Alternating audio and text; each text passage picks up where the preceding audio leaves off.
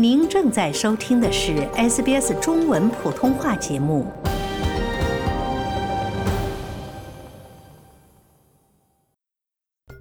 各位听众，大家好，我是 Lauren 陈龙。今天的 SBS 新闻快报内容，对于硬币收藏者来说，算是一个新的喜讯了。近日，一种全新的两澳元限量硬币正式面世，以庆祝澳大利亚国民美食 Vegemite 诞生一百周年。本周三，也就是五月十七日，连锁超市巨头 woolworth 宣布发行一系列面值为两澳元的新版本硬币，以纪念经典早餐酱料国民美食 Vegemite 诞生一百周年。woolworth 和澳大利亚皇家铸币厂联袂发行了这一限量版新硬币，在全国各地的 woolworth 超市门店，以现金支付的顾客将有机会在找零的时候获得新推出的三种独家版本硬币。据悉，Woolworths 将在三周时间内为顾客提供三百万枚限量版硬币，每周都会有新的设计被投放到现金收银台。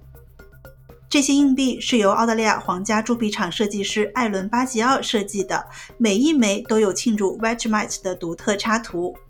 三种设计的硬币上有不同颜色的圆圈：黄色、红色和黑色。第一种设计的硬币上绘制了一罐 Vegemite 酱料，底部有 A Hundred Mighty Years 字样。另一种设计的硬币图案是一片抹上了 Vegemite 的吐司面包，上面写着 Taste Like Australia。而第三种设计的硬币图案是一个孩子在吃一片抹了 Vegemite 的吐司面包，上面写着 Happy Little Vegemite。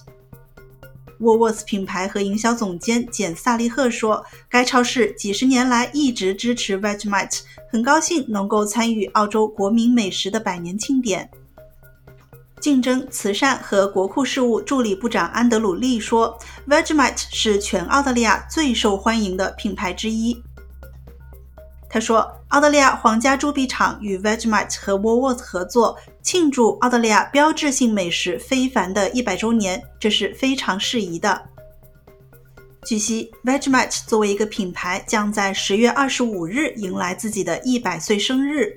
其母公司 Bega Cheese 的传播营销经理杰西·霍尔对澳大利亚人一直以来对该产品的喜爱表示感谢。感谢各位收听本期 SBS 新闻快报。作为 SBS 新推出的新闻资讯播客，我们致力于让在澳华人及时了解国内外新闻以及社区资讯。在任何播客平台搜索 SBS 普通话，点击订阅，开启消息提醒，不错过任何突发新闻。